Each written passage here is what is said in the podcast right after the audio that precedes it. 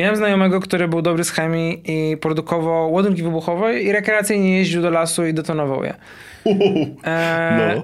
Kiedyś dał mi trochę takiego proszku, który nazywał się nadtlenek acetonu. To jest substancja wybuchowa i ja wziąłem pudełko popluszu i umieściłem ten proszek tam, kupiłem petardę i wyjąłem z niej ląd i zrobiłem no, małą bombę po prostu.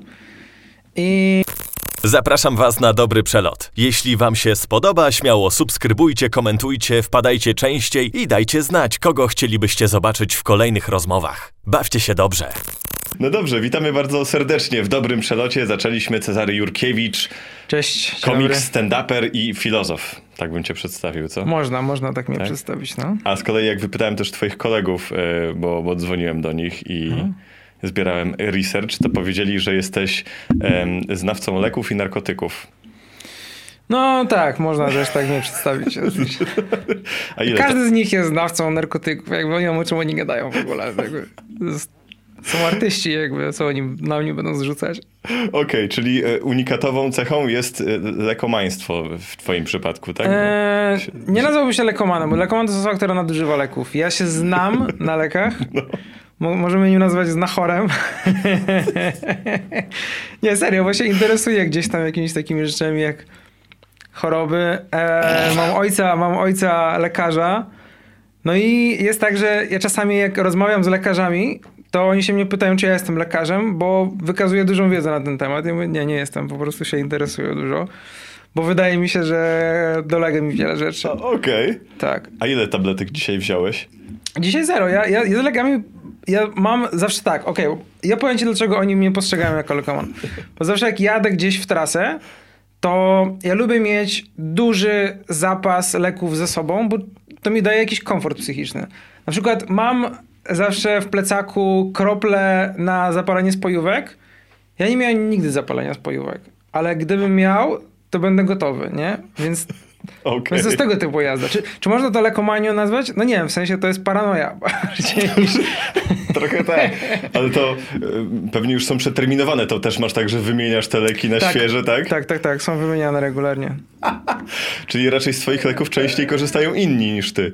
Tak, miałem parę sytuacji, że ktoś e, zaczął mieć zaczerwienione oko, na przykład a propos właśnie tego zapalenia spojówek i mówię, no mam tu leki na to. Wpuściłem parę kropel i ktoś już nie miał tego, więc super. Okej, czyli zawsze jesteś przygotowany po tak, ja prostu. po prostu lubię być przygotowany. No. To jest tak, że są czasami miesiące, gdzie ja nie sięgam po leki i po prostu to jest kwestia po prostu e, tego, że chcę czuć się dobrze w każdej możliwej sytuacji i to jest jakaś obsesja na punkcie tego, żeby mieć kontrolę, żeby nie ulegać przypadkom. Aha. I tyle. I to jest bardzo patologiczna wersja tego, idąca w kierunku tego, żeby nic mi zdrowotnie nie dolegało. Okej, a skąd ci się to wzięło właśnie przez tego e, ojca lekarza? No bo wielu ludzi ma ro- rodziców lekarzy, a jednak mają świadomość tego, że gdzieś tam jest apteka też w innym mieście. Tak. Em, wydaje mi się, że przyczyny są dwie. Po pierwsze właśnie to jest mój ojciec lekarz, który, ja nie wiem czemu on to robił, ale zawsze jak coś mi dolegało, e, to on mi mówił, że to jest najprawdopodobniej rak. Ja nie wiem, czy on to robił dla beki, czy dlatego, że naprawdę tak myślał, ale to nie pomagało na pewno. A druga rzecz to jest to, że obejrzałem kiedyś wszystkie sezony Doktora House'a w kilka dni i też czuję, że to miało duży wpływ na to, bo oni w tym serialu robili jakieś takie głupie analizy. O, tutaj skóra go boli, bo jest jak coś, nie, e, coś się rozregulowało w nerwach, bo cukier jest podwyższony i trzustka mu pęknie. Wiesz, seria związków przyczynowo-skutkowych. Ja na pewnym etapie zacząłem tak analizować swoje e, jakieś dolegliwości, no i wiesz, to prowadzi no do hipochondrii takiej poważnej.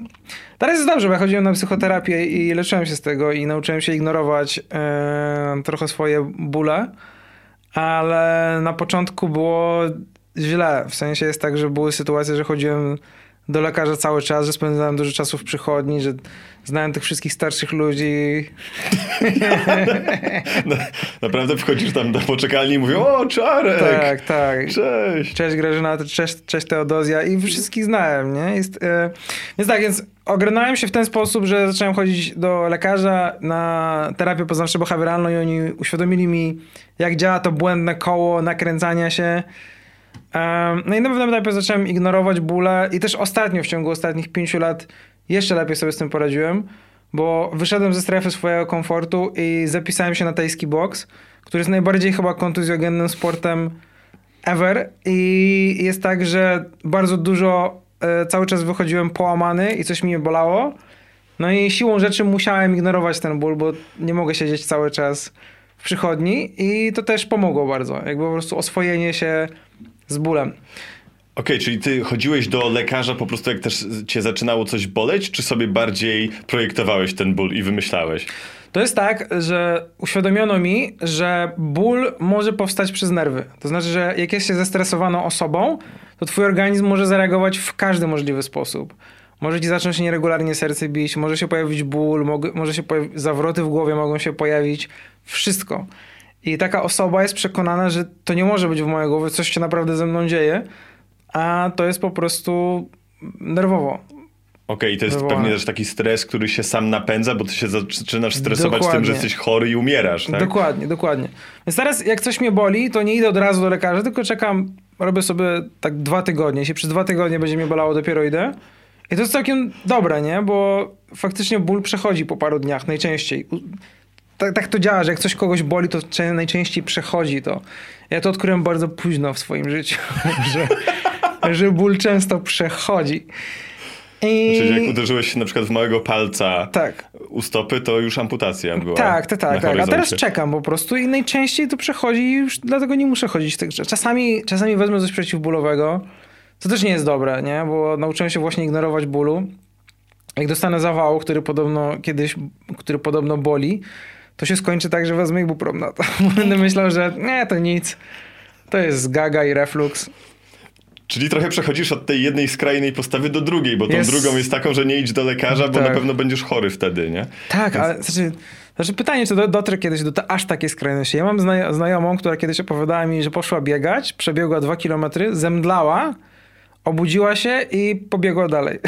po, tym, po tym, jak zemdlała. Ja Okej, okay, to jest, to mi imponuje bardzo. Ja mam, ja mam kiedyś, ja mam znajomego, który kiedyś przesadził z używkami i zasnął w jakiejś pozycji, w której e, krew nie dopływała mu do nóg i się obudził wieczorem w, w Łazienkach Królewskich, 15 minut przed zamknięciem parku i mu nogi nie działały. I to jest najgorsze, bo musiał, miał 15 minut na wyczołganie się z, z Łazienek Królewskich. I naprawdę się czołgał do wyjścia? Tak, był wyścig z czasem, bo wiesz, jak zamkną ci łazienki królewskie, to musisz bez użycia nóg przejść przez płot. To nie jest łatwe. I wyczołgał się, ale to, co mi zaimponowało najbardziej, no, każda normalna osoba zadzwoniłaby po karetkę, bo nogi nie działają, a on e, doczołgał się do przystanku, autobusowo, do osobo, przystanku autobusowego, wczołgał się do autobusu i pojechał do domu. I to mi bardzo imponowało. W sensie jest okay. tak, miałem takie, chciałbym być tak wyluzowany. Okej, okay, tak się nie przejmować swoim zdrowiem. Mhm. Okay, i, i Ale miał rację, bo trzy dni potem wszystko wróciło do normy. Więc... Czyli no ale... trzy dni się czołgał. Trzy dni się czołgał. To już jest trochę skrajna postawa. Jest bardzo skrajna postawa. Okay. To jest najbardziej ale... skrajny przykład, jaki znam. A czy to jest taki, taka doskonałość, do której teraz dążysz? Nie, no chyba nie, to już jest przegięcie trochę. A dlaczego się zapisałeś na tajski boks? Po to, żeby właśnie przyzwyczaić się do bólu, czy jest to związane z tym, że miałeś tajską dziewczynę? E, nie, to jest bardziej kwestia jakiegoś kryzysu wieku średniego. Jest tak, że w tym samym czasie zapisałem się na, jazd na jazdę na deskorolce. Bo jako dzieciak jeździłem dużo na deskorolce, potem przestałem przez brak czasu i teraz tego czasu jest więcej, więc stwierdziłem, że wrócę do tego. To było w ogóle dziwne, jak byliśmy na pierwszych zajęciach. Ja i dwójka moich znajomych, też 30-parolatków. A zajęciach z tajskiego boksu, boksu nie, nie z deskorolki? Nie, nie, na, na deskorolce właśnie. I... A to zapisałeś się na zajęcia z deskorolki, tak? Tak, tak, tak. tak. A są treningi normalnie? Są, są. Okay. No. I poza nami były same dzieci. I czuliśmy się naprawdę, jakbyśmy wszyscy przechodzili kryzys wieku średniego. Tak, jedną z tych rzeczy było zapisanie się na tajski boks, który też chciałem trenować sporty walki za, za dzieciaka i rodzice mi nie pozwalali Potem nie było czasu, teraz jest czas i robię to. I od pięciu lat właśnie chodzę i strasznie spodobało mi się to. Okazało, odkryłem w wieku, kiedy to było teraz mam? Odkryłem w wieku 32 lat, że, że lubię przemoc. że lubisz bić ludzi, tak. tak. tak. Nie, to nie jest kwestia, że tego, że lubię bić ludzi. Wiesz, co mi się podoba najbardziej w, w takich sportach jak boks i tajski boks? To uczucie, jak ktoś cię próbuje uderzyć i ty robisz unik, bo wtedy czujesz się jak super bohater. Mhm. Jak jest... ten Son Goku taki, tak? Tak, tak. No ruch głową i pięć lepsze koło ciebie, to jest tak bosowskie bardzo. To mi się najbardziej podoba. Nawet nie sama, sam akt przemocy, tylko właśnie ta, ta subtelność tego, ten taniec cały. To ciekawe, bo też mówiłeś i podkreślałeś wielokrotnie o tym, że miejsce, z którego się wywodzisz, czyli Skierniewice, to to było miejsce pełne przemocy, tak? I... Tak, ja mam wrażenie, że spotkałem się z dużą, że było tak, że jak w małych miejscowościach jest trochę inaczej niż na przykład w Warszawie. Jak przyjechałem do Warszawy, to się zdziwiłem, że jak przechodzę koło grupki dresów, to że nie patrzą się na mnie. Bo tu się za dużo dzieje po prostu. A tam w Skierniewicach działo się tak mało, że jak przechodziłeś koło takiej grupy, to dla nich było coś nowego i się patrzyli na ciebie. W, nie zawsze w przyjemny sposób. Więc, yy, więc tak, no, miałem wrażenie, że, że było więcej yy, jakichś nieprzyjemnych sytuacji. No ale co tam się działo? Że cię zaczepiali, że się musiałeś bić, nie wiem, walczyć były, o... Tak? Tak, były takie sytuacje. Czasem trzeba było się bić, czasem trzeba było uciekać. Bo nie zawsze możesz się bić, nie? W sensie, no tak, co, nie jesteś Son Goku, żeby bić się z dziesięcioma typami na raz. Okej, okay, ale ty jakie miałeś takie sytuacje, że rzeczywiście byłeś jakimś takim ulicznym fighterem, czy raczej... Um, nie byłem jakiś super w tym, no ale jakieś umiejętności musiałem mieć, żeby po prostu czuć się w miarę swobodnie na ulicy, nie? Okej, okay, to... Bo nie wyglądasz mi trochę na gościa, nie, który tam jest killerem osiedlowym. Nie, nie, ja zawsze wyglądałem na lamusa. Okej. Okay. Tak. Ale nie, ja nie jestem killerem osiedlowym, w sensie, znaczy, nie, wiem jak ale teraz, teraz, teraz ćwiczę tajski boks, ale... Bo z nienacka mogłeś ich wszystkich zaskoczyć, nie? Tak, to jest w ogóle dosyć frajerskie z mojej strony, ale moją ulubioną techniką, przez to, że ja nie jestem jakiś super wysoki, był sucker punch. Ja wiem, że nie powinienem się tym chwalić, ale to jest tak skuteczne bardzo, ponieważ jest tak, że jak rozmawiałem z kimś i ktoś był dużo większy ode mnie i dostał w połowie zdania w szczękę, to padał na ziemię wtedy i ja szedłem sobie dalej. I generalnie jest tak, ja wiem, że to jest bardzo frajerskie, ale to działa. Ludzie, róbcie to. to nie, nie róbcie tego, bo to jest bardzo W sensie nie czekaj nie na pierwszy cios. Nigdy, tak? Eee, ja nie, ja nie, nie, wiem, jaki wniosek z tego wypływa, no. z tego, co ja mówię teraz. Bo że zdarzyło mi się parę razy zrobić coś takiego wobec większych przeciwników, że po prostu jak ktoś mnie zaczepiał, to ja udawałem, nie, ja tu jestem, wiesz, spójrz na mnie, ja tu jestem lamusem i nagle w połowie zdania działo się coś, czego on się nie spodziewał i kończyło się na Wow! Tak, więc działy się takie rzeczy też kiedyś. Jakiś dziki demon w tobie drzemie. Tak, ty jesteś tak. taki grzeczny, spokojny, intelektualista trochę, filozof. Nie, nie, jest dużo, dużo złości we mnie zawsze się działo. E, zdiagnozowano u mnie ADHD, jak byłem e, dzieckiem. Mhm. E, uświadomiłem sobie ostatnio, że nie wyleczyłem się z tego totalnie. W sensie moja, moja dziewczyna mi uświadomiła, że... Mm, akcja jest taka, że ja, jak chodzę po domu, to głośno rozmawiam przez telefon. E, i, i, chodzę rozmawiając przez telefon i ogólnie jak, jak zaczynam rozmawiać z kimś, to bardzo szybko, głośno zaczynam, nie to, że krzyczę, ale głośno zaczynam mówić. E, jak siedzę, to skacze mi noga. No takie typowo ADHD objawy.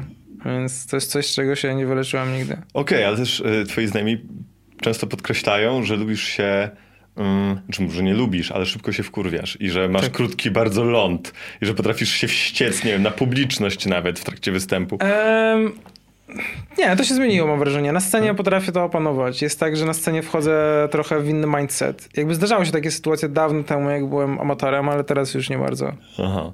I na co się wściekasz? Na wszystko? Czy masz jakieś rzeczy, które cię odpalają? Um, I co mam, robisz mam, wtedy? Mam mizofonię, mam, mam mizofonię, czyli um, to jest tak, że niektóre dźwięki mnie bardzo irytują. Jak ktoś, jak ktoś je z otwartymi ustami i mlaszcze, to mam bardzo mordercze myśli wtedy. Jest tak, że strasznie mnie to irytuje.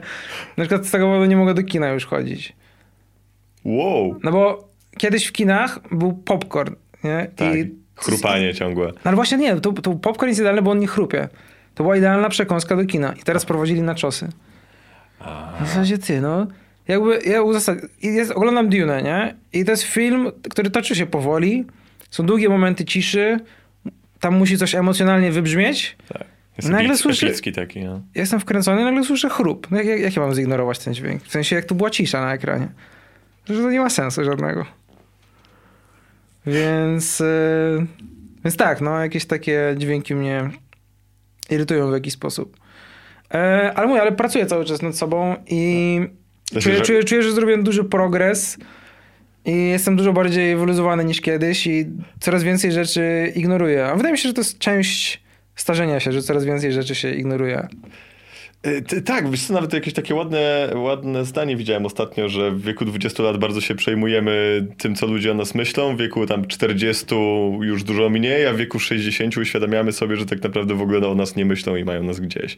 Tak, I nie warto się tym przejmować, nie? trochę tak jest, no. Okej, a, a, a jak...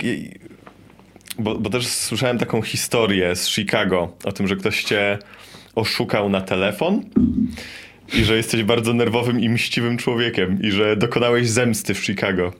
Nie, chyba tego nie chcę opowiadać. A kto, ale to ktoś powiedział to do kamery, czy Nie, to nie, nie, prywatnie? nie, nie, nie, nie. W ramach researchu usłyszałem jakąś anegdotę na twój temat i chciałbym się dowiedzieć o co chodzi. Jakiej zemsty dokonałeś? Eee, nie, chyba nie chcę tego mówić. W sensie jest tak, że by, bywam mściwy, ale są, to jest jedna z tych historii, którymi nie chcę się chwalić, bo jest żenująca i nie stawiam mnie w zbyt dobrym świetle. Może, może, może za 20 lat.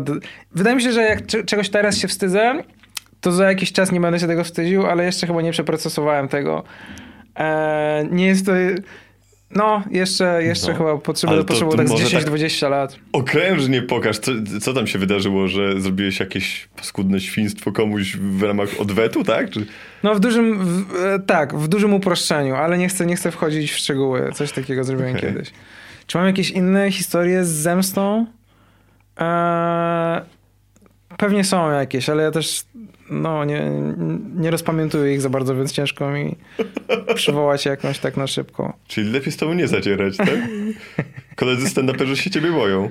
Nie, mam nadzieję, że nie. No. To znaczy, były sytuacje, że ktoś mi powiedział, że boi się mojej złości. Ja mówię, nie możesz, nie? W sensie, jak ja się denerwuję, musisz mi zwrócić uwagę, że mam się nie denerwować, bo nie możemy budować relacji na strachu.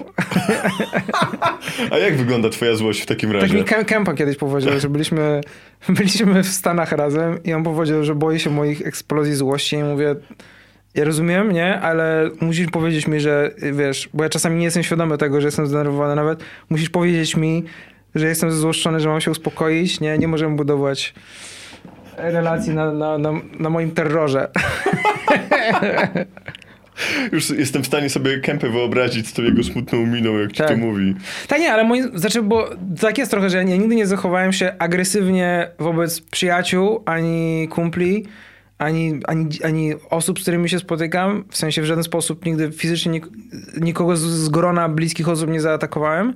I po prostu zawsze to była złość i zawsze jak ktoś mi zwrócił uwagę, że jestem zezłoszczony, to następowała bardzo szybka autorefleksja i się uspokajałem. Tylko nie wszyscy wiedzą, że można tak zrobić, bo niektórzy są, wiesz, zestresowani faktem, że ja jestem, wiesz, zdenerwowany, czy coś takiego. Rozumiem, no to jest jakiś proces, nad którym, wiesz, pracuję, nie? Bo to najgorsze jest to, że to jest jakieś upośledzenie w, w, w mózgu prawdopodobnie, nie? Bo e, na tym ADHD trochę polega, że tam e, któraś część mózgu jest tam jakoś nie, nie za bardzo, nie? I jest złość, jeśli nie kontroluje, wiesz, swojej złości, ale no, można wypracować to w jakiś sposób.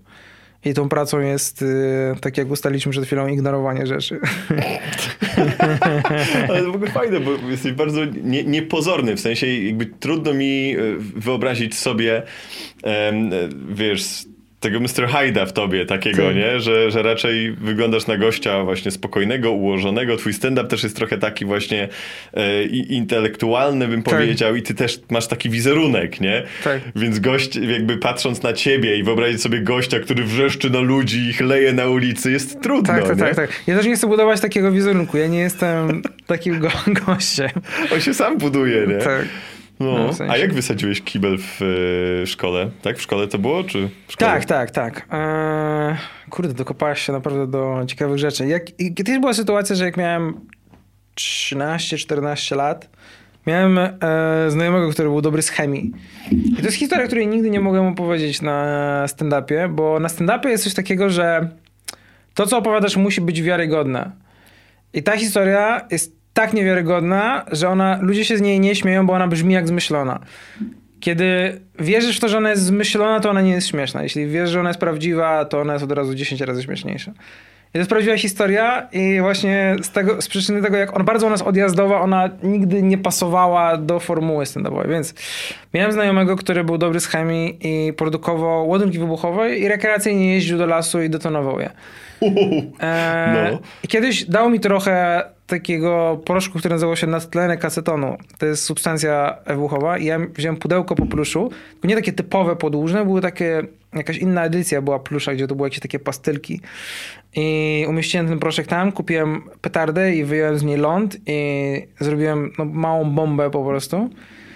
I ja byłem pranksterem w szkole. Lubiłem, e, nudziłem się bardzo i lubiłem chodzić i zwracać na siebie uwagę w mało subtelny sposób. E, co nadal jest aktualne, bo lubię zwracać na siebie uwagę, ale czuję, że jest to bardziej subtelny sposób niż kiedyś. No i wtedy akcja była taka, że poszedłem do łazienki i położyłem to na sedesie, odpaliłem ląd i zamknąłem drzwi, przymknąłem drugimi drzwiami. Upewniłem się, że nikogo nie ma w łazience. Wyszedłem z tej łazienki, e, odszedłem kawałek dalej i nagle była eksplozja i sedes eksplodował, kawałki fajansu powbijały się w drzwi. E, no i była dosyć duża afera, bo mm, dyrektor zrobił apel polegający na tym, że po kolei wprowadzał e, chłopców z każdej klasy do e, łazienki i robił monolog na temat tego, na temat kondycji naszej szkoły. I były trzy kabiny i on po kolei otwierał każdą. Robił prezentację w łazience.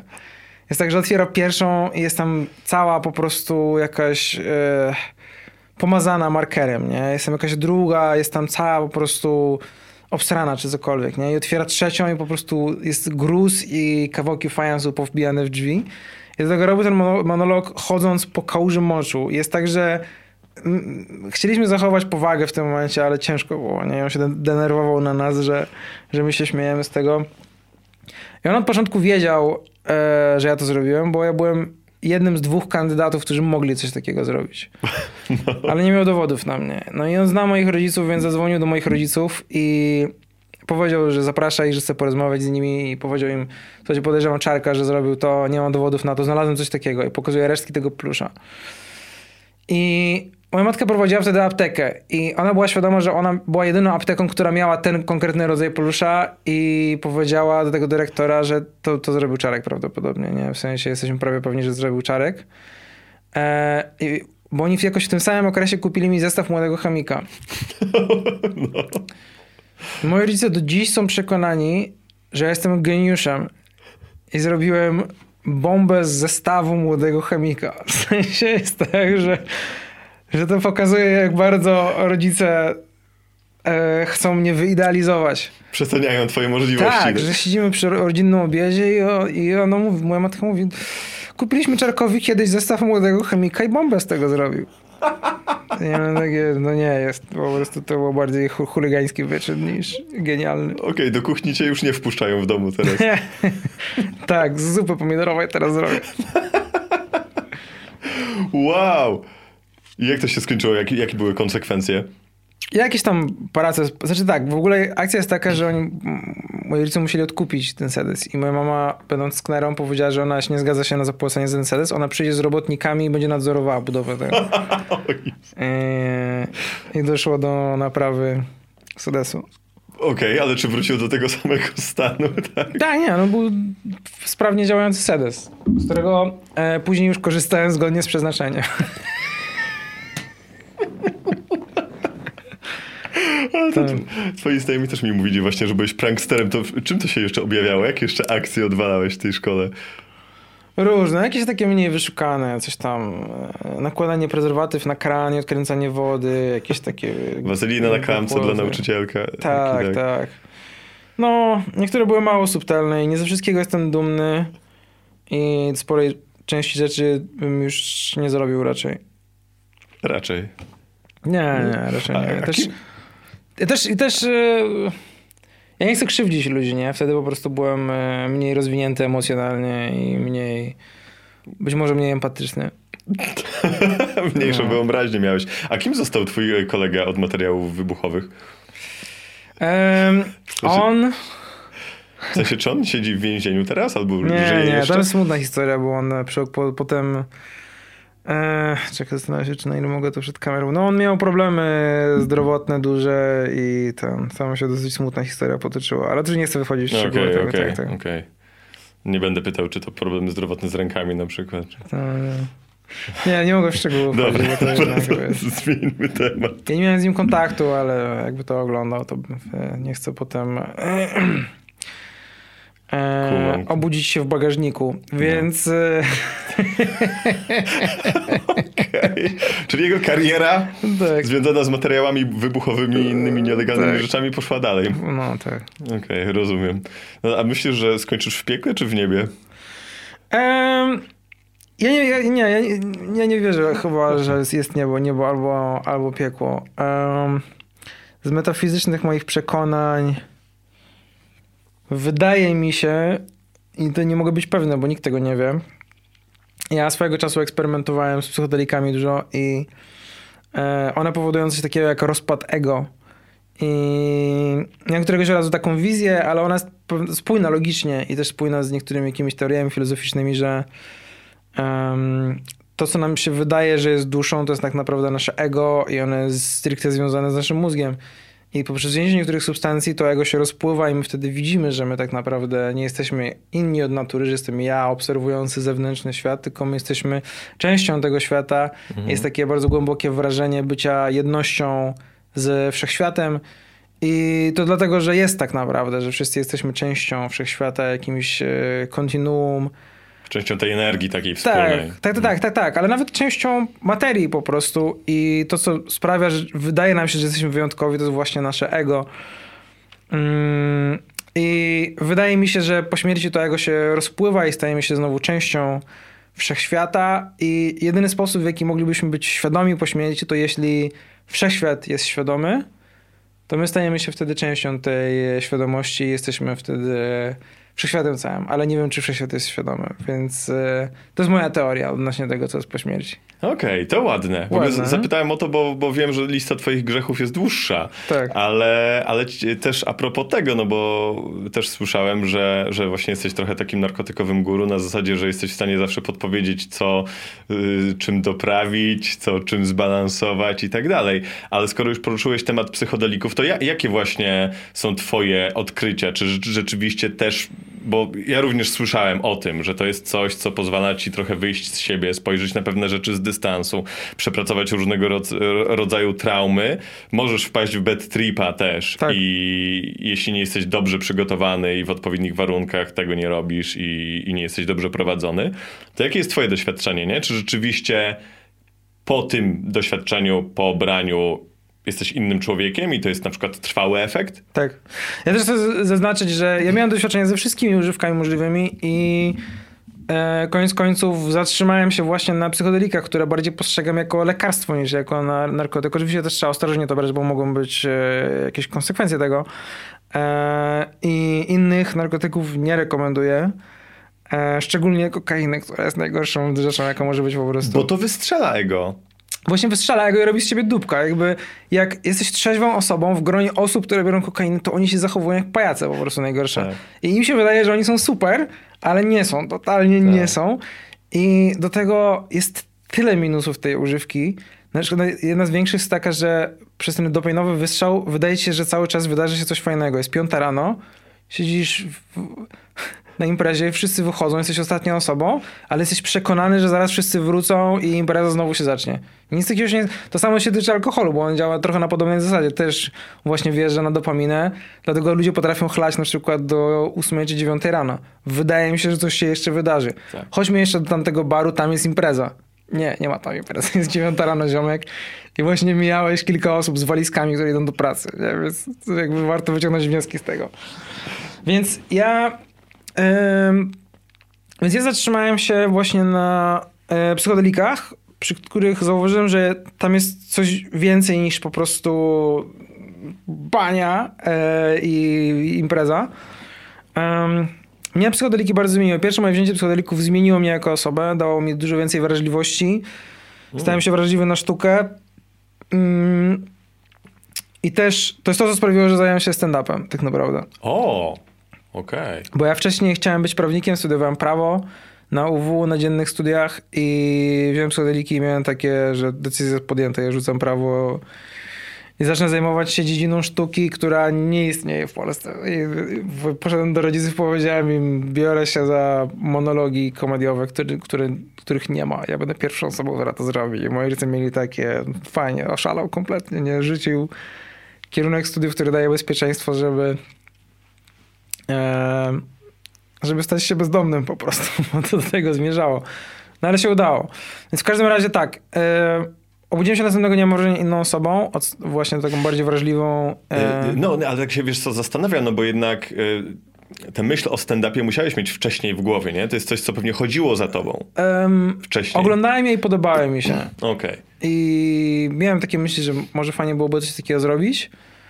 Ale właśnie jak obudziłem się z tej fazy następnego dnia, to miałem takie wrażenie, że chcę robić coś, coś artystycznego i czułem, że to jestem w stanie robić, bo to wydawała mi się dosyć prosta forma sztuki. Mhm.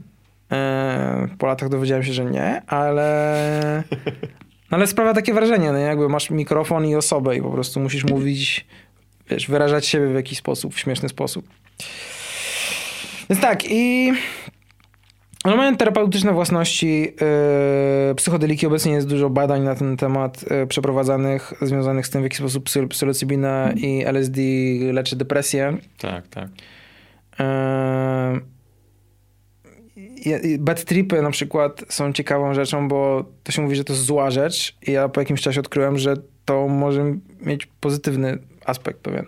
Bad trip. Okej, okay. dlaczego? Ponieważ e, bad trip to jest to jest złe samo, bo psychodeliki amplifikują twoje emocje. I tak jak czujesz się dobrze i psychodeliki potrafią amplifikować dobre samopoczucie, że czujesz się 10 razy bardziej dobrze i, i absolutnie szczęśliwy, e, tak samo złe emocje, jakieś napięcia e, mogą być amplifikowane mhm. i one się przeradzają w strach i, na, i jakieś takie napięcie mięśniowe. Ja sobie na którejś z faz uświadomiłem, że to nie jest używka, która wywołała ten bad trip, że po prostu coś się działo we mnie i to było jakieś napięcie.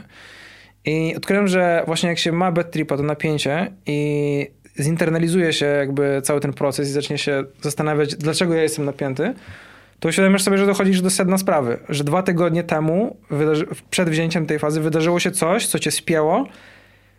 Ludzie czasami nie zdają sobie sprawy z tego, że są spięci. Jak chodzisz spięty przez cały czas, to, tak. to przyzwyczajasz się do tego, że to jest norma. E, I wydaje się, że to jest normalne uczucie. I po wzięciu psychodelików świadomiesz sobie, że nie, przez ostatnie miesiąc, dwa, trzy byłeś spięty cały czas. I w momencie, jak uświadamiasz sobie i dochodzisz do przyczyny tego, to czujesz bardzo dużą ulgę i ten bad trip mija i się przeradza w dobrą fazę. I następnego dnia się budzisz i już nie ma tego napięcia. Mm. I więc nie wszyscy potrafią zinternalizować to. Ja znam przypadki bad tripów, które trwały przez całą fazę i nikt nic dobrego z tego nie wyciągnął ale no zauważam, że to jest mechanizm po prostu do, do pracy nad, nad samym sobą, że um, uświadamiasz sobie więcej na temat własnej psychiki. Ciekawe, ale czy to jest efekt, który uzyskujesz też przy kolejnych y, momentach, kiedy bierzesz na przykład LSD albo grzyby, albo coś innego psychodelicznego? No tak, bo, bo, to raczej... się, bo to się zapomina, nie? Jest tak, że Y, mam jakąś fazę, potem przez kilka miesięcy mm, nie tripuję i znowu y, są jakieś rzeczy, które mnie martwią, które wchodzą w moją podświadomość, jakieś zgrzyty ze znajomymi, które wyrzucam z głowy, ale one zostają w podświadomości, one tam siedzą. Pojawiają się napięcia i potem biorę psychodelik i okazuje się, że wcale nie byłem wyluzowany. I mhm. on resetuje jakby y, moją sferę emocjonalną. Następnego dnia budzę się znowu otwarty na świat i bardziej wyluzowany i bez, bez napięć. Okej, okay, a ten kluczowy moment, mówisz, że zacząłeś w ogóle się zajmować stand-upem przez... E... Chcę, chcę jeszcze dodać tylko, żeby pamiętać też, że są też związane zagrożenia z psychodelikami, że nie ma złotego środka, nie? Tak jak nasi e, dziadkowie mówili, że miód i czosnek jest dobre na wszystko. Nie ma czegoś takiego jak złoty środek. E, wszystko w zbyt dużej ilości może ci zaszkodzić, więc zawsze trzeba uważać. Tak, i to jest nielegalne i nie, po, nie polecamy, nie promujemy. Oczywiście.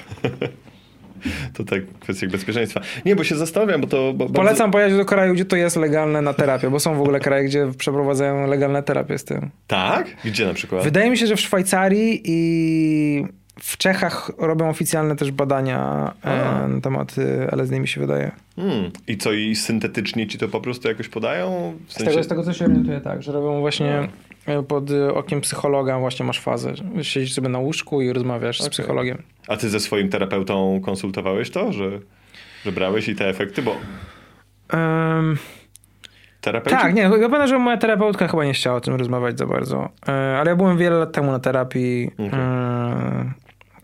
Tak, to nie, nie, rozmawialiśmy na ten temat. I co się z tobą działo, nie? Masz tego tripa, kiedy nagle po prostu odwracasz swoje życie o 180 stopni i decydujesz się, nie będę prawnikiem, nie będę nudnym panem w garniturze, który tam, nie wiem, zajmuje się papierami, tylko będę chodził i, i się śmiał na scenie albo rozśmieszał ludzi. To jakby, jak do tego się dochodzi? Em, po prostu doszedłem do takiego wniosku, że jeśli moją ambicją jest zarabianie pieniędzy, znaczy to zabrzmi jak banał, ale wtedy to była wielka rewelacja na mnie, że to jest płytkie, e, jeśli pieniądze są celem samym w sobie, e, a nie miałem frajdy z prawa. W sensie nadal szanuję bardzo e, dorobek naukowy, który ludzkość uzbierała e, przez te wszystkie wieki na temat prawa i gdzieś tam e, szanuję to bardzo, ale mimo, że zdarzało mi się prawo łamać, ale em, Jak każdemu. tak, ale po prostu no, no nie wiem, przykład, to jest też zabrzmi jak banał, nie ruszały mnie zachody słońca i dopiero po tym dniu zacząłem czuć zachody słońca, nie? Na tej zasadzie. E, więc coś przeskoczyło mi, że zrobiłem się bardziej wrażliwy na wrażenia estetyczne. E, no i gdzieś pojawiła się jakaś myśl, że fajnie byłoby być, wiesz, artystą, tworzyć coś fajnego, Okej. spełniać się w ten sposób. Fajnie. I teraz jesteś spełniony? Czujesz, że. Bo też długo, y, wiele lat ci właściwie zajęło to, żeby dojść do miejsca, w którym jesteś, że rzeczywiście jesteś wziętym kom- komikiem, nie? Sam, sam to podkreślałeś, że ile? 15 lat, tak? Tak. I, i jak- jakby jakie jeszcze masz cele? Bo też em, wiem, że chciałeś wyjechać do Stanów, ale to, to był bardziej akt desperacji? Czy... Nie, nie, nie. Po prostu pojawiają się kolejne ambicje. E, chcesz osiągnąć potem coś większego. Mm. I fajnie, pomyślałem, że fajnie byłoby występować dla międzynarodowej publiczności. Mhm. Tylko to jest trudne chyba, nie? Bo jednak to nie, nie jest samo przepisanie żartu. Właśnie, to znaczy tak, bo niektóre żarty nie da się przetłumaczyć z tego powodu, że są różnice kulturowe, językowe. Ale mniej więcej 10-15% mojego materiału byłem w stanie przetłumaczyć. Więc mam mniej więcej ze, wszy- ze wszystkich rzeczy, które powiedziałem po polsku, mam około 20 dobrych minut po angielsku. Takich, które niszczą. Okej. A już to prezentowałeś za granicą? Tak, gdzieś? wielokrotnie. Jeżdżę po open micach za granicą, raz na jakiś czas sobie występuję.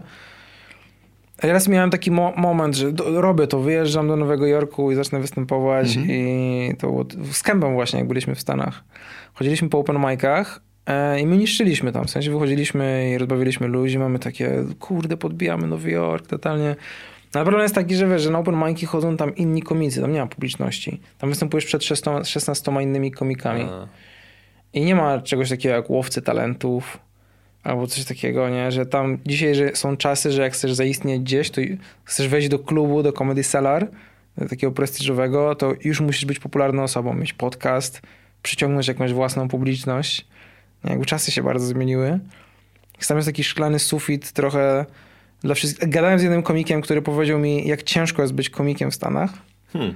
to powiedział mi, że on zajmuje się. em, nie chcę użyć złego słowa, to nie jest czyściciel kamienic, ale to jest osoba, która w ramach windykacji pomaga wyprowadzać się lokatorom. I mówi, że są tylko dwie grupy społeczne w Stanach, które się tym zajmują. To są komicy i byli więźniowie. Więc tak ciężko jest tam. Więc, tam, więc komicy się wszystkich zawodów tam. Bo są, biedni, bo są biedni bardzo, bo jest ich tak dużo. Okej, czyli konkurencja. Tak, szczególnie w Nowym Jorku jest ten problem, bo teoretycznie w innym mieście, jakbym pojechał do jakiegoś Portland czy Seattle, jakbym się uparł bardzo, to może by mi się udało być jakimś tam...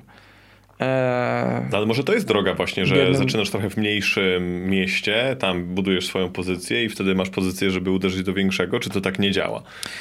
Działa tak, tylko problem jest taki, że tam jest tak dużo dobrych komików. Ja widziałem w Comedy Cellar komików, którzy byli niewiarygodnie dobrzy i robili to od 40 lat i nadal są nikim. Jest tak, że tam jest, tam w Nowym Jorku masz coś takiego, że stoisz sobie na metrze i czekasz na pociąg i jakaś kobieta śpiewa jakiś funkowy kawałek, jakiś koleś gra na saksofonie i oni robią to na poziomie takim, że tutaj w Europie mogliby teatry sprzedawać, a tam grają na metrze. Co ma swoje plusy, bo słyszysz bardzo dobre kawałki czekając na metro. W sensie to jest dobre dla ciebie, Mhm. dla nich nie, niekoniecznie.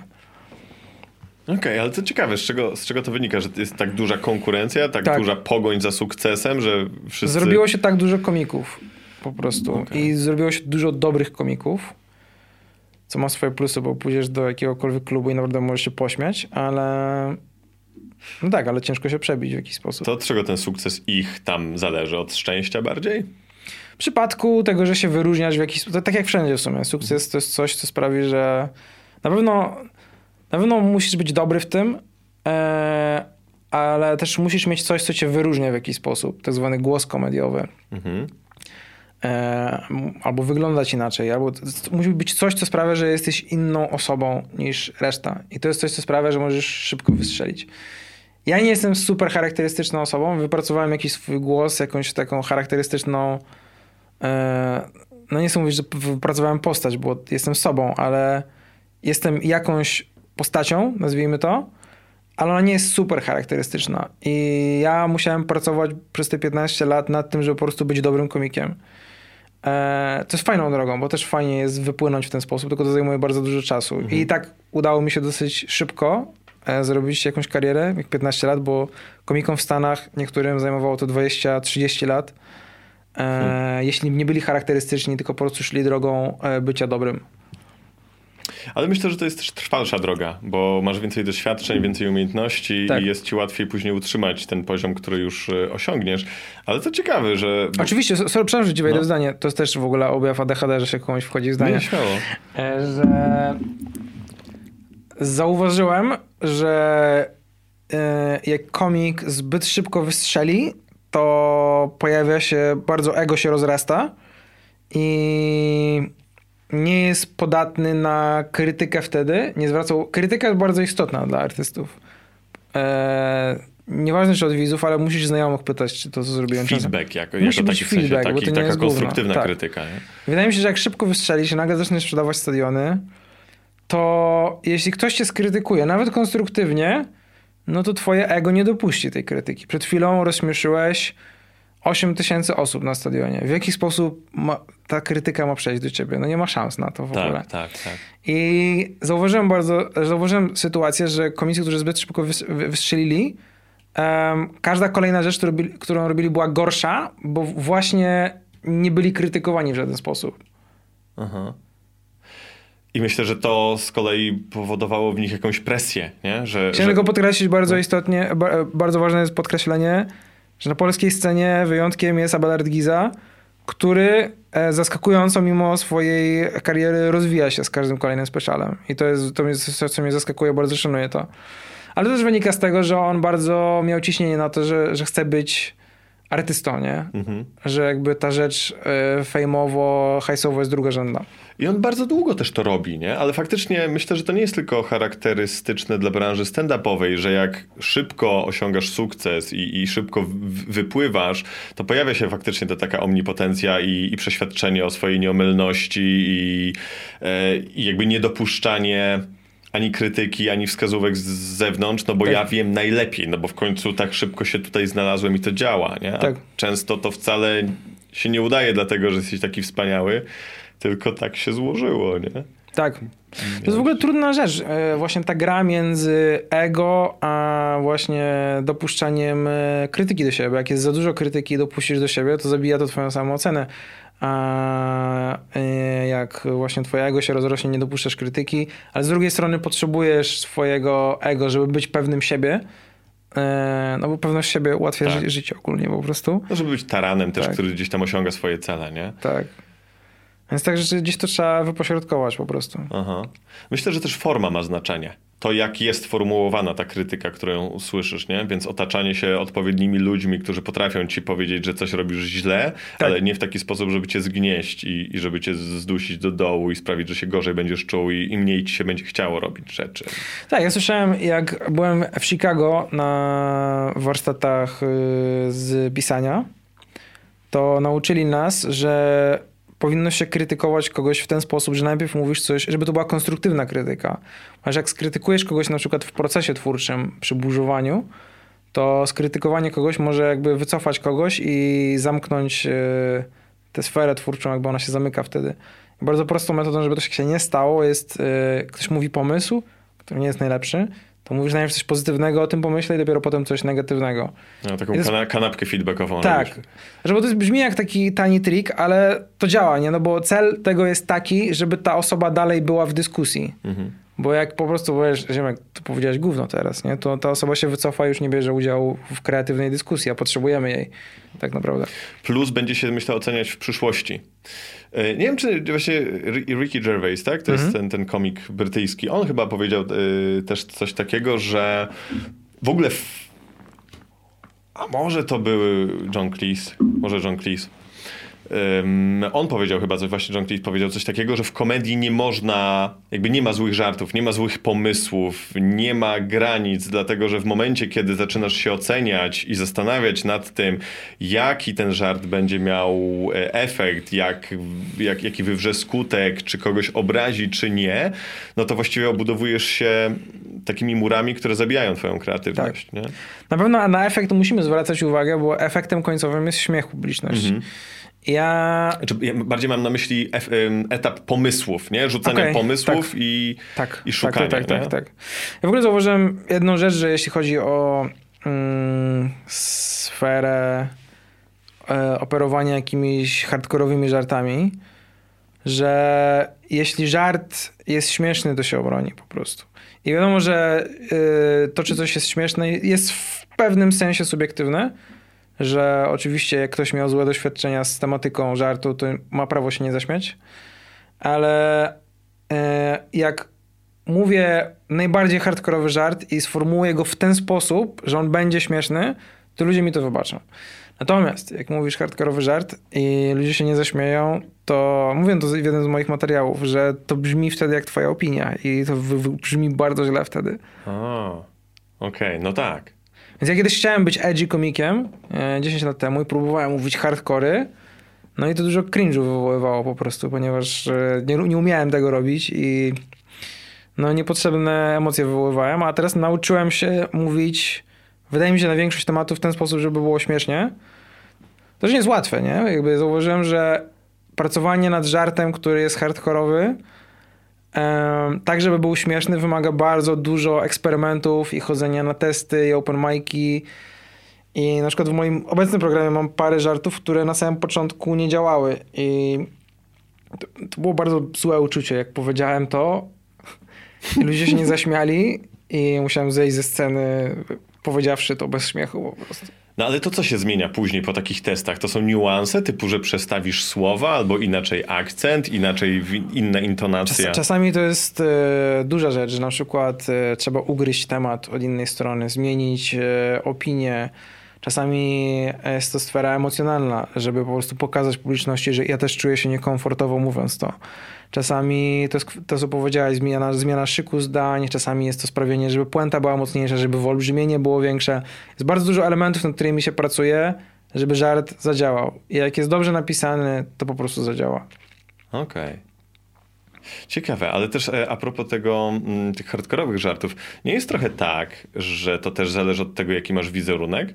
Że jeśli ludzie postrzegają cię jako kogoś kont kontrowersyjnego, to też na więcej ci pozwalają. Oczywiście, nie? że tak. Ja zauważyłem jedną rzecz, że bo ja e, mi kariera wyskoczyła w zeszłym roku, jak pojawiły się krótkie formy, ro, rolki mhm. e, na Instagramie. E, no też to się wiąże w jakiś sposób z pojawieniem TikToka i tym, że ludzie mają teraz krótszy moment uwagi i niedługo filmy będą trwały w kinach minutę. Ale, ale tak i... Czekaj, do czego zmierzałem, bo się zawiesiłem. Że, że ta, ta kariera wystrzeliła ci z, z powodu rolek, tak? Tak, tak, ale, ale to też Wcześniej było, gadaliśmy o hardkorowych żartach i o tym, Tak, że tak, tak, oczywiście, tak, wizerunek. tak, tak, oczywiście. I e, miałem taki beat o latach 90., który jest chyba najłagodniejszym beatem, jaki mam. Nie ma żadnych przekleństw. E, jest oparty trochę na sentymencie do, do lat 90., wyolbrzymienie tego, jak, jak, funkcjonowa- jak funkcjonowaliśmy w tamtych czasach. E, I, I ja wiem, że czasami przychodzą ludzie, którzy zobaczyli mnie na jakiejś rolce. Więc ja wiem, że były sytuacje, że przyszli ludzie, którzy zobaczyli tę rolkę o latach 90. i postrzegali mnie jako ładnego, komi- jako grzesznego komika, który nie przeklina i przyszli na mój występ i usłyszeli straszne rzeczy. Ja widziałem po prostu po ich twarzach, widzę czasami publiczność, ja widzę po ich twarzach, kto przyszedł, z której rolki po prostu. I to jest, ja tak przykro mi trochę, bo, bo chciałem, żeby się dobrze bawili, no ale... Aha, są zszokowani i No, nie są, podoba są im się, tak? zszokowani, mieli takie... Powinniśmy byli całość obejrzeć. Wow. cały, cały występ. Okej. No właśnie to też jest ciekawy temat, nie? Że, że gdzieś tam ten Instagram i, i rolki i ten cały trend robienia shortów i krótkiej formy teraz bardzo ci pomógł. No i właściwie trochę się robisz instagramowym influencerem, co? Trochę tak. Czujesz się tak? Jaki, jaki produkt mógłbyś reklamować jako influencer? Cheetosy. Wszystkie leki. Nie, no musiałoby być coś, co, coś, co lubię, nie? E, Coś, co na pewno nie wywołuje żadnych kontrowersji społecznych, nie mógłbym jakichś, myślę, papierosów e, albo alkoholu promować. Ogólnie nie chciałbym promować, być, reklamować czegoś. Zawsze jak dostawałem oferty reklamowe, to odmawiałem. E, A raz, raz nie odmówiłem, ale to były czasy, jak byłem bardzo biedny i potrzebowałem hajsu, jak zaczynałem. I odezwał się do mnie stoperan i powiedziałem im tak. Leki? Super! Tak, więc... Mam was ale- zawsze w trasie. Tak, ale jak już, jak już stać mnie na to, żeby nie robić reklam, to nie robię reklam i nie jestem aż tak pazerny. Uważam reklamy jako część czegoś, co nie jest jakąś... y, Nie jestem fanem reklam i dlatego uważam, że robienie reklam, kiedy nie jesteś fanem reklam jest średnią rzeczą. Okej, ale co odpowiedziałeś Stoperanowi? Że tak, no, że zrobię co tam chcą. Nie? Wiesz, na, tej zasadzie. na szczęście to w ogóle nigdzie nie poleciało, bo miałem współpracę i zarobiłem pieniądze i to nigdzie nie ujrzało światła dziennego. Ale bo, bo co? Bo ta reklama, którą nagrali z tobą, tak była jaka? To była jakaś kampania Stoperano. To w ogóle ciekawe, że Stoperan kampanii potrzebujesz. to jest tak, że... że na zasadzie, czego mi brakuje? Tak, Stoperano bym do- dokupił. Nie, no to jest tak, biegniesz po to, jak musisz, nie? Ale oni e, robili kampanię polegającą na tym, że latał samolot na plaży i, i tam była przyczepiona taka płachta do tego samolotu z napisem, czy masz stoperan i numer telefonu. Ja byłem tym gościem, który odbierał telefon przez godzinę, kiedy ten samolot latał. No i montowałem jakieś jazdy tam. I tam ja się nie przedstawiałem jako Cezary Jurkiewicz, ja byłem głosem tego i wygłupiałem się. I ja nie wiem, do czego oni chcieli to użyć w końcu, może do jakiejś radiowej kampanii, ale to w końcu nigdzie nie poleciało. A ktoś zadzwonił w ogóle? Tak, dzwonili. Pijani ludzie dzwonili z plaży. Pijani Polacy dzwonili i powiedzieli, że mają stoperan. Nie wiem, czego oni się spodziewali, że, że ten typ wyskoczy na spadochronie i, i zgarnie I stoperan. jak wyglądały te rozmowy? W sensie, co robiłeś? Jakich, tam, jakiś trolling robiłeś, tak? Żarty, podgrywę? Tak, ja nie chcę ich cytować chyba, bo one nie były najwyższych lotów, nie? No bo one były wokół tematyki Okej, stoperanowy. Mhm. Stoperanowo-biegunkowej, ale...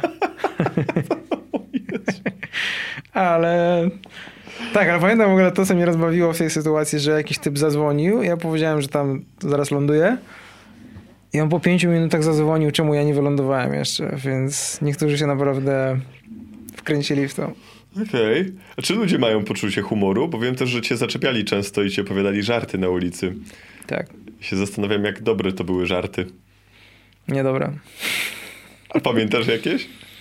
Nie, one nie są chyba warte opowiedzenia. Można zobaczyć, ja opowiadam w moim materiale Drań na YouTubie e, anegdotę z tym związaną. E, I polecam, po zakończeniu występu jest bonus, w którym ja decyduję się opowiedzieć kawał, który sam napisałem. No Zresztą w ogóle ciekawe, że nie powstają nowe kawały już, tak jak był kiedyś Dobry Humor, Aha. ta gazetka. I były tam wszelkiego rodzaju kawały oparte na stereotypach płciowych, rasowych e, i seksualnych. I to przestało wychodzić. Coś się z tym stało w jakiś sposób. Już nie- Zabiliście ten biznes. Tak. Wy, stand-uperzy. Jest szansa taka, że zabiliśmy, no. Wiesz, Ale może...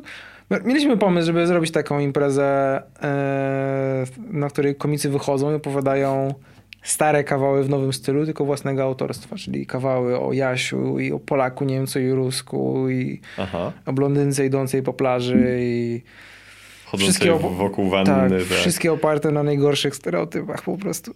I co? I dlaczego tego nie zrobiliście? No, pewnie się stanie to w końcu. Wiesz, jest, jest, e, jest środowisko alternatywnego stand-upu i oni cały czas działają i czasami pojawiają się różne dziwne wydarzenia. Rzadko, ale jak się pojawiają, ja z przyjemnością biorę w nich udział, bo to jest bardzo świeże. Kiedyś było legendarne wydarzenie, które nazywało się Resort Antykomedii, prowadzone przez Bartka Zalewskiego i Sebastiana Rajenta. I to, co oni tam robili, było rzeczywiście antykomediowe. I to jest tak, że e, mnie strasznie takie rzeczy śmieszą. Jak coś jest nieśmieszne, jak coś jest bardzo nieśmieszne, to, to, to jest bardzo, bardzo śmieszne tak naprawdę, że wie- wie- wiesz o co mi chodzi? Tak, że, ty chyba nawet w którymś wywiadzie powiedziałeś coś takiego, że lubisz, y, że jakby najbardziej cię śmieszą te żarty, które nie siadają, jak Tak. obserwujesz jakiegoś komika Tak. na scenie, nie? Tak. Początkującego na przykład. Tak, ale nie ze złośliwości, tylko po prostu ja wiem, jak się czuje e, ta osoba. Nawet jak, ja, nawet jak doświadczony komik powie żart, który nie zadziała, to to mnie strasznie śmieszy. Więc ta impreza... Włącza ci się ta empatia po LSD po prostu. Więc była ta impreza kiedyś, bo bardzo fajna impreza. Kiedyś e, było coś takiego, że Rejent robił jakiś dziwny monolog i Zalew założył, założył maszkę, maskę jaszczura i robił do tego tańc interpretacyjny. Takie rzeczy tam się działy. I to jest jazda, która powinna była trwać 30 sekund, trwała 5 minut i 30 osób wyszło z sali w trakcie, nie? Wow. W zasadzie nie ma nic śmieszniejszego niż, niż, niż, niż, niż na meta poziomie fakt, że oni przegnali 30 osób z sali tym, co robią na scenie. To się rzadko zdarza. Tak. Tylko wiesz, no to idealnie wpasowywało się w tę konwencję. Ja wystąpiłem kiedyś na tym wydarzeniu. I ja przygotowałem występ. Szkoda, trochę szkoda, że nie nagrałem go, bo to było całkiem ciekawe. Miałem w kieszeniach bardzo dużo karteczek z one-linerami. I wyciągałem je i czytałem te żarty. I niektóre były lepsze, niektóre gorsze. I te kartki się skończyły w pewnym momencie, więc podwijam rękawy i okazuje się, że całe ręce mam popisane w żartach. I zaczynam czytać te żarty z rąk. No i one się też skończyły. To podwijam t-shirt i tutaj mam do góry nogami żarty zapisane na brzuchu i czytam je sobie. I one też, niektóre działają, niektóre nie. No i w pewnym momencie zdejmuję t-shirt i okazuje się, że na plecach mam odwrotnie napisane żarty i biorę lustro i z lustra czytam żarty z pleców moich. To już naprawdę poszedł taki odpał i zakończyłem ten występ mówiąc, to był mój występ, który nazywa się Prison Break, ucieczka z komedii. I szedłem ze sceny, więc jakieś takie rzeczy się działy. Ale fajne, bo to zaskakujące. Tak. Człowiek się nie spodziewa tego, nie? Tak, tak, zdecydowanie. Okej, ale odbiór był pozytywny? Tak, była Czy mega. też wyszło 15 osób?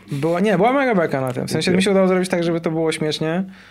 I tęsknię za tymi imprezami. Mam nadzieję, że e, Bartek Zalewski i Sebastian Rejent to oglądają, że uda im się reaktywować tę imprezę.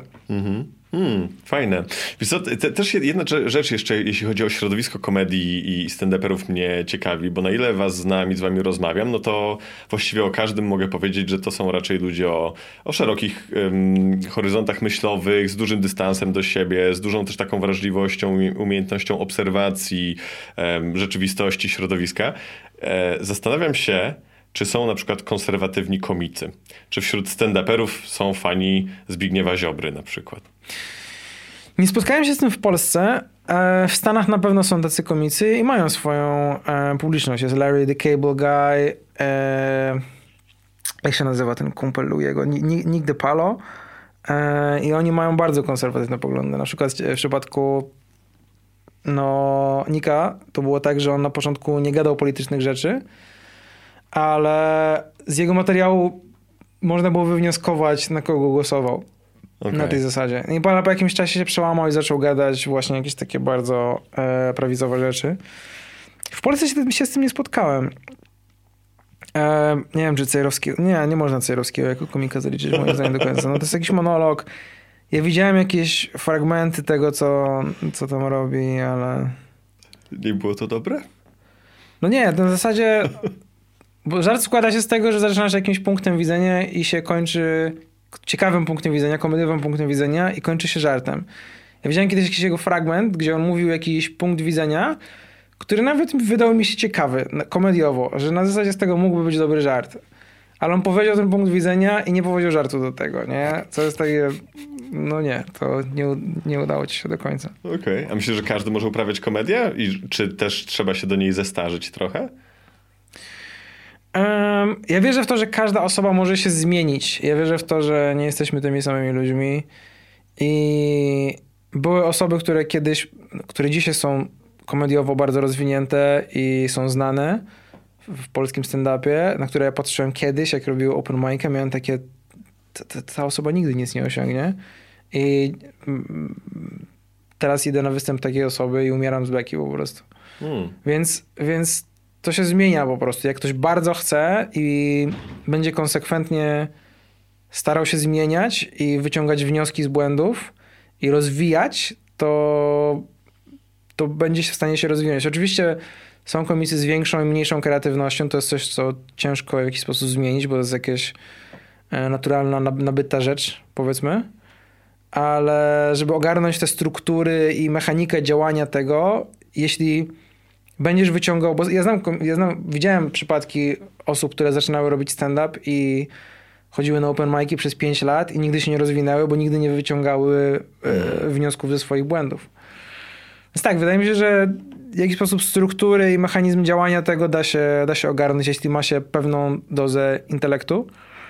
Em, ale możesz, może się okazać, że będziesz na przykład mniej kreatywny od, od, od innych komików. Okej, czyli trzeba się oddawać refleksje, to takie filozoficzne, a, a ty też jarasz się filozofią, z tego co wiem. E, Czy już Tak, nie? nie, nie, niekoniecznie trzeba oddawać refleksji, nie? Znam, znam komików, którzy poruszają płytkie tematy, ale kreatywność to jest coś innego niż refleksja. Kreatywność to jest to, co, wszystko to, co siedzi w naszej podświadomości. To jest jakiś bałagan, to są po prostu rzeczy, które są wrzucone luzem do naszego mózgu i jak, jak ta podświadomość się otwiera i to zaczyna wypływać, to po prostu to są zlepione, losowe rzeczy stamtąd.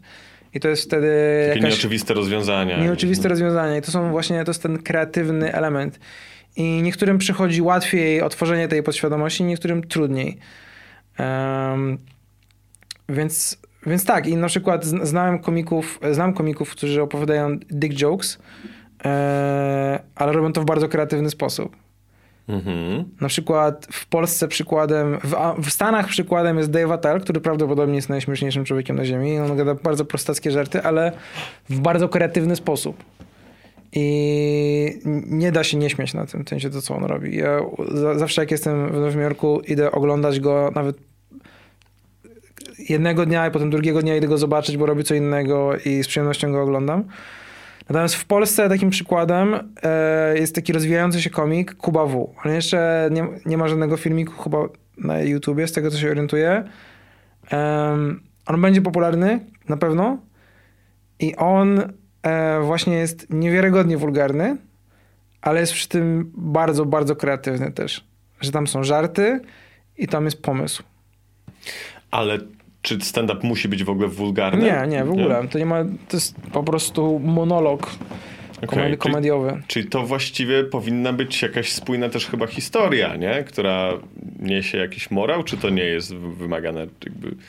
Przecież nie, to jest Może. tak pojemny temat, że to nie... Nie jest pojemny tam. Są komicy, którzy no, starają się, żeby to było spójne konceptualnie. Niektóre z moich speciali były spójne konceptualnie. Na przykład ten ostatni materiał, który nagrałem, Drań, on starałem się o to, żeby on miał, e, żeby był spójny konceptualnie.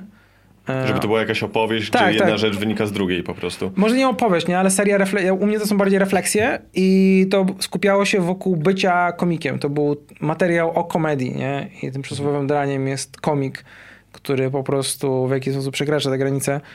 E, ale nie musi być. Na przykład to wyszło tak, że to wyszedł konceptualny materiał, ale docelowo w moim przypadku ja na przykład ostatecznym celem jest zgarnięcie śmiechu w, w kreatywny sposób. Hmm.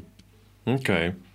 A, a ja- jaką reakcję zgarnąłeś, jak y, widzowi odbiłeś dziewczynę? Skąd ty masz takie informacje? Jak to Eee, było? Bo podobno przyszedł ktoś na twój występ z dziewczyną i wrócił z niego bez niej. Wiesz, co, to nie była jego dziewczyna, oni byli na pierwszej randce i źle mu szła i tyle.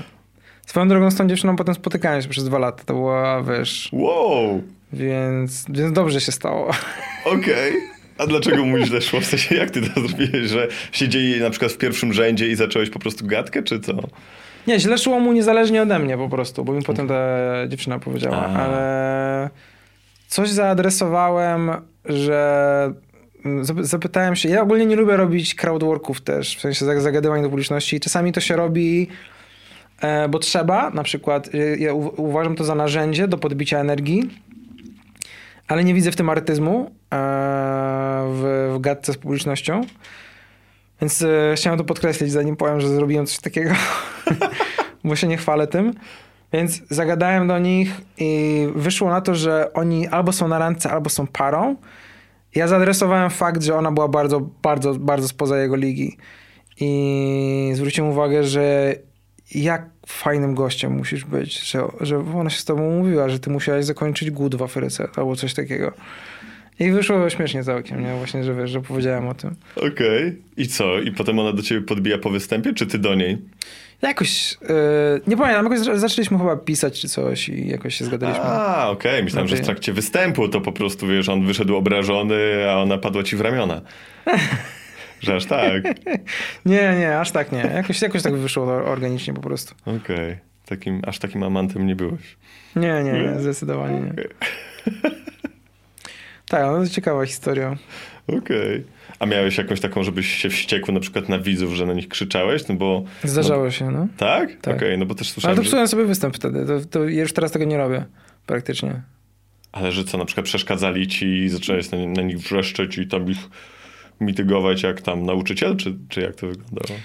Um, różnie, no bo jak zwracasz komuś uwagę, no to jeśli nie, nie zrobisz tego w śmieszny sposób, to zabijesz atmosferę. No właśnie, nie? I kiedyś miałem sytuację, że traciłem panowanie nad sobą i darłem japę na kogoś, ale... Na występie. No tak, ale psułem sobie występ, więc to nie ma sensu, więc, więc teraz robię tak, że raczej zachowuję spokój i kontruję to, co ta osoba robi, a jak bardzo przeszkadza, w sensie tak, że to uniemożliwia występ, to robię przerwę techniczną i proszę, żeby ktoś wyprowadził tę osobę.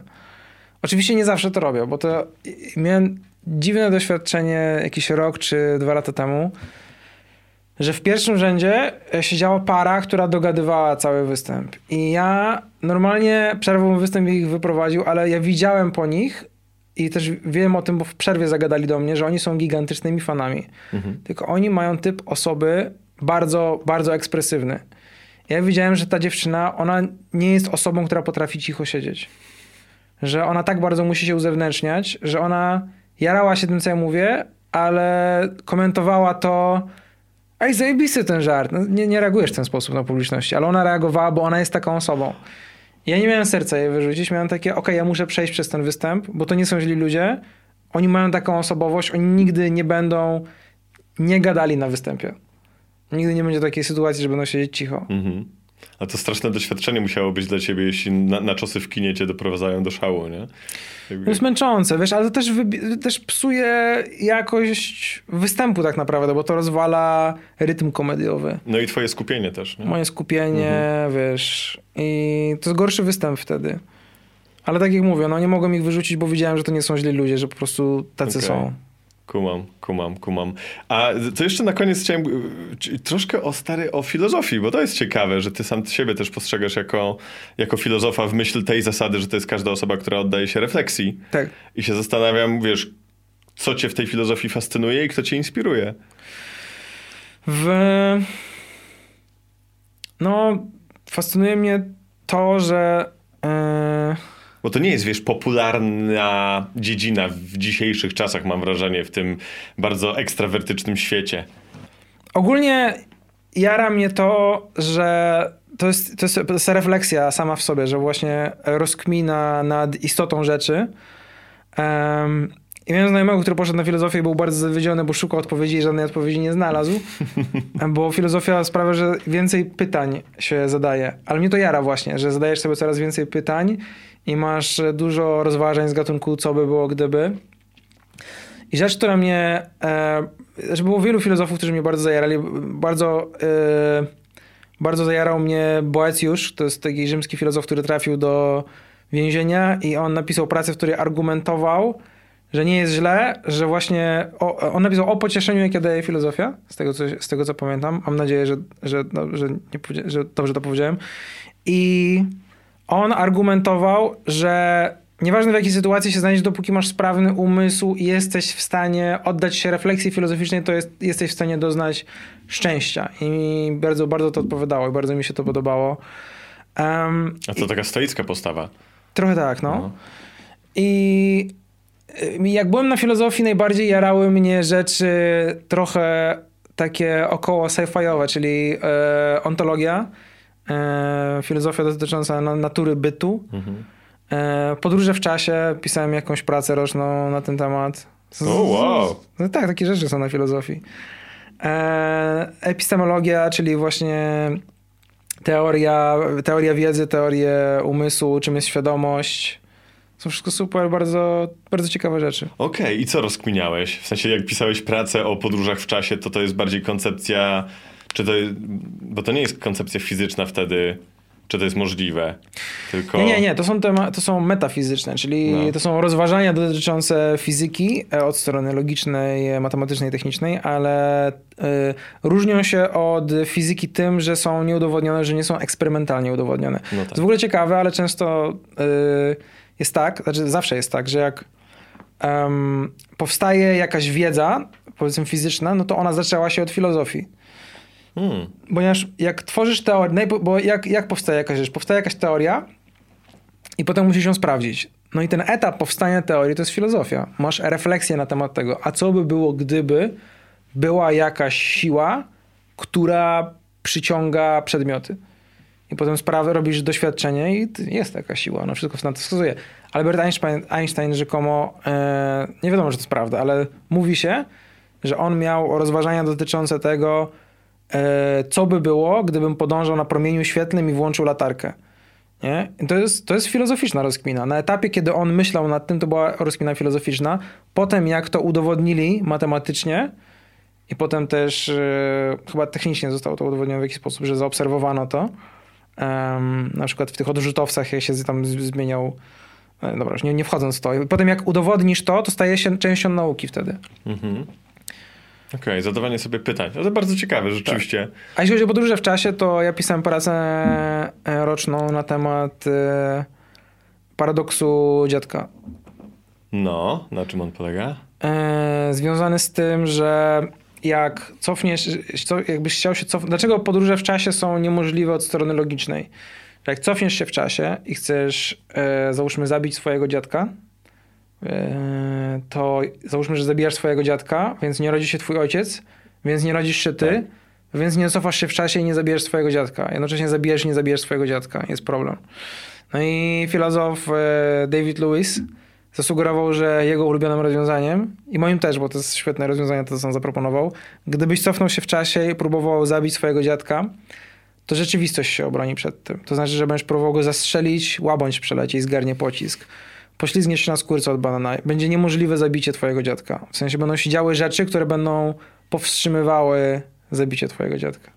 I to jest fajne. I to, to, to, mnie to bardzo jarało, bo e, jak byłem dzieckiem, jak na powrót do przyszłości, miałem takie, jakie to jest wszystko spójne, a potem miałem takie, no nie, tam jest paradoks, tam się dzieje paradoks na paradoksie dziadka po prostu. Ej, ale to jest mega fascynujące. I, jest, jest. Czy to w ogóle jest y, fantastyczny kierunek. Co ciekawe, mm, były chyba badania i jest najmniej albo prawie najmniej bezrobotnych właśnie po filozofii. Dlatego, że to jest taka dziedzina, którą jak zaczynasz studiować, to wiesz, że będziesz bezrobotnym, jak skończysz te studia. Tak. Więc zaczynasz sobie ogarniać już rzeczy i tak. rzeczywistość w trakcie, nie? Jakby robisz inne rzeczy, tak. a tam kształcisz się dla samego faktu kształcenia, nie? Tak, swoją drogą e, dokładnie w tym celu poszedłem na filozofię, dlatego, żeby się w jakiś sposób e, rozwinąć intelektualnie i poszedłem na filozofię właśnie po tym, jak rzuciłem prawo, w sensie właśnie mm. stwierdziłem, że jeszcze chcę postudiować trochę i to była filozofia. Nie ukończyłem jej koniec końców, ale do dziś bardzo jaram się tym i do, do dziś czytam dla frajdy po prostu teksty filozoficzne i oddaję się jakimś rozważaniom. -hmm. No i w komedii to ci też podejrzewam pomaga mocno. Tak, zdecydowanie, no bo ja mam komedię opartą właśnie na jakichś e, ciekawych refleksjach. -huh. No dobra, to, to i, i co teraz jakby cię czeka, powiedzmy, już, już trochę dopływając do brzegu? Mm, jakie masz plany? Czy będziesz rzeczywiście próbował się przebić za granicą też w Stanach, czy, czy raczej to jest takie... Wiesz, Myślę, że tak. Myślę, że będę kombinował w tym kierunku. E, Nawet nie, żeby w Stanach zrobić e, karierę, ale po prostu jest tak, że ja jeżdżę dużo w trasy po Polsce i ja znam każde miasto w Polsce. Jest tak, że jest, nic mnie już nie zaskoczy w tym kraju. Ja znam ten kraj bardzo dobrze. Jest tak, bardzo dobrze znam Polaków. I, I fajnie by było po prostu pojeździć w trasy w inne miejsca. Eee, niekoniecznie w Stanach, tak, bo wszędzie są anglojęzyczne sceny. W No ogóle tak. ciekawe, mekką anglojęzycznego stand-upu w, w Europie jest Berlin. hmm. Jest tak, że spotkałem komików nowojorskich, którzy zaczynali w Berlinie. A, Tak.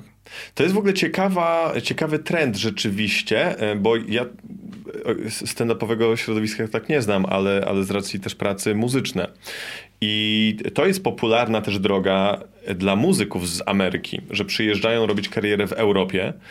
Z racji tego, że Niemcy są największym rynkiem muzycznym, to siedzą w Berlinie, tam nagrywają, tam wydają, koncertują po Europie. Jak tutaj sobie zbudują wystarczająco dużą pozycję, Tak. to przeskakują do Stanów Zjednoczonych. Tak, tak chyba zawsze było też. Jakby przecież Beatlesi tak zaczęli też. Oni, oni No występowali... tak, ale oni byli Anglikami, nie?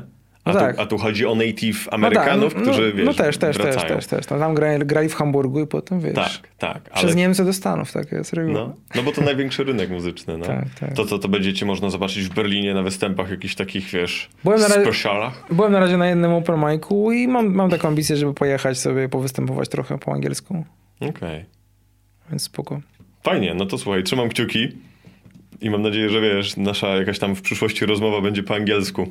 Możemy Wie- zrobić następną po To angielsku. byłoby dobre, wiesz? Ja będę miał podcast em, anglojęzyczny, międzynarodowy, globalny, a ty będziesz globalną gwiazdą na Netflixie występującą. Spoko, tak zrobimy.